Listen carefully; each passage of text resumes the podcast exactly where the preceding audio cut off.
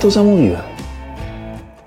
Nie ma niczego bardziej cringe'owego w dorosłym życiu niż korzystanie z konta na Allegro, które zakładało się mając 14 lat i uważało się, że wpisanie ksywy pokroju L Ruchaczo 69 będzie doskonałym pomysłem. I teraz zamawiam sobie książkę i ktoś tam gdzieś tam to pakuje i wpisuje nazwę użytkownika i kiśnie srogo, że paczka idzie do L Ruchaczo 69. Chciałbym tych wszystkich ludzi kiedyś osobiście przeprosić.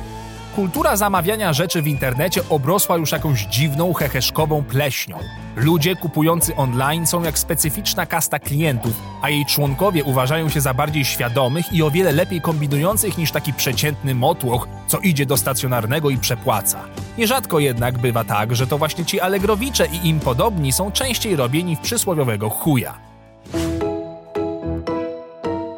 Ileż razy to dostałem nie to, co trzeba, albo zrobili ze mnie frajera na jakiś telefon, który zamiast używanym srajfonem okazał się być zwykłym kartoflem, ziemniakiem w sensie. Gorzej jak cię natną na kupno samochodu i dostajesz w zamian zdjęcie tego auta warte 5000 zł, bo nie doczytałeś, że to zdjęcie jest przedmiotem aukcji, a nie auto samo w sobie. To ile razy głupio utopiłem hajs na szemranych aukcjach, to wie tylko moja biedna, głodująca świnka skarbonka.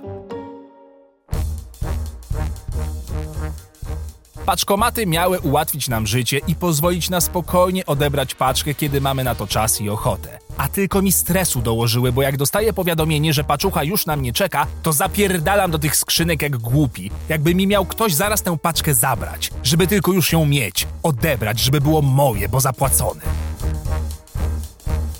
Najgorzej jak trafisz na taki paczkomat, co się postanowił aktualnie zesrać, albo ktoś do niego, no bo podobno można, i albo ma ekran, na którym wylała matryca i jedyne co widzisz to czarne gówno plamy, albo klawiatura szwankuje i nie działa jedna cyfra, a numer twojego telefonu albo kod odbioru oczywiście ją zawiera. A jak już odbierzesz, to wracasz dumny jak paw, z tym pudełkiem kartonowym, jakbyś właśnie wygrał w totka albo w ogóle z rakiem. Czemu ludzie kupujący coś w normalnym sklepie tak się nie cieszą? Ale jak wyjmują dokładnie to samo z paczkomatu, to wyglądają jakby wykopali właśnie złoty pociąg z bursztynową komnatą na pokładzie.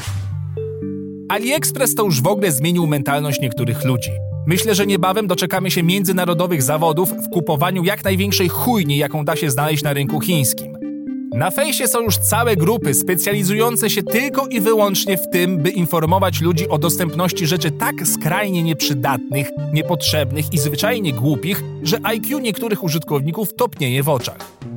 I to siedzenie po nocach i gniecenie palcem F5, czy aby ktoś nas nie uprzedził licytacji jakiegoś starego śmiecia, który będzie nas jarał dwa dni, a potem zamieni się w łapacza kurzu. Albo instalowanie wtyczek, przypominajek, linkowanie jakichś snajperów, żeby tylko mieć pewność, że uda się zdobyć coś o dwa złote taniej. Chryste, że mi się w to chciało kiedyś bawić i nerwy tracić. Chociaż tych chyba najwięcej straciłem podczas rozmów ze sprzedawcami, którzy najczęściej okazywali się być zimnymi i bezdusznymi handlowcami. Miała być para, nic nie leci, nic nie prasuje. Co to ma być, no?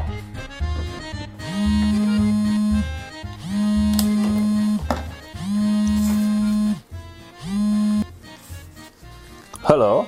Dzień dobry, proszę pana. E, kupiłem od pana przedmiot na aukcji, no i niestety, ale muszę złożyć reklamację. O Jezu, co się stało? No, proszę pana, przedmiot jest jakby kompletnie rozjebany, zupełnie. Rozumiem, rozumiem, tak, tak. E, to proszę założyć spór na Allegro, który notabene wygram, gdyż mam w chuj gwiazdek i super sprzedawcę.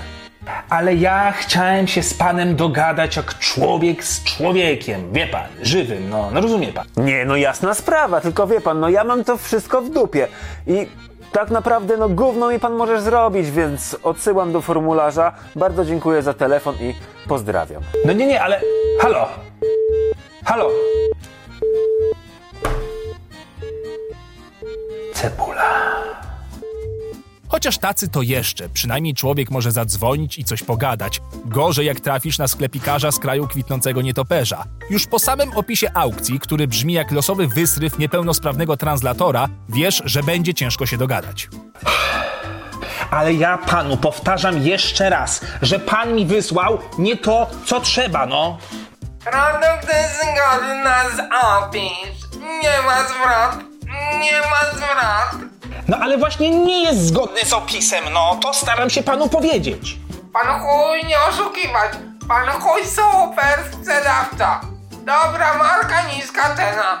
Kurwa, ryżożerco, posłuchaj mnie, przecież nie mówię, że oszukujesz, tylko dostałem nie to, co trzeba, no. Spokój, bo ziółka pęknie i będzie dedeł. Pan chuj super sprzedawca. Dużo gwiazdek. Chuju słodko-kwaśny, oddajesz mi pieniądze, rozumiesz? Oddajesz mi pieniądze w tej chwili. Cink, ciąg,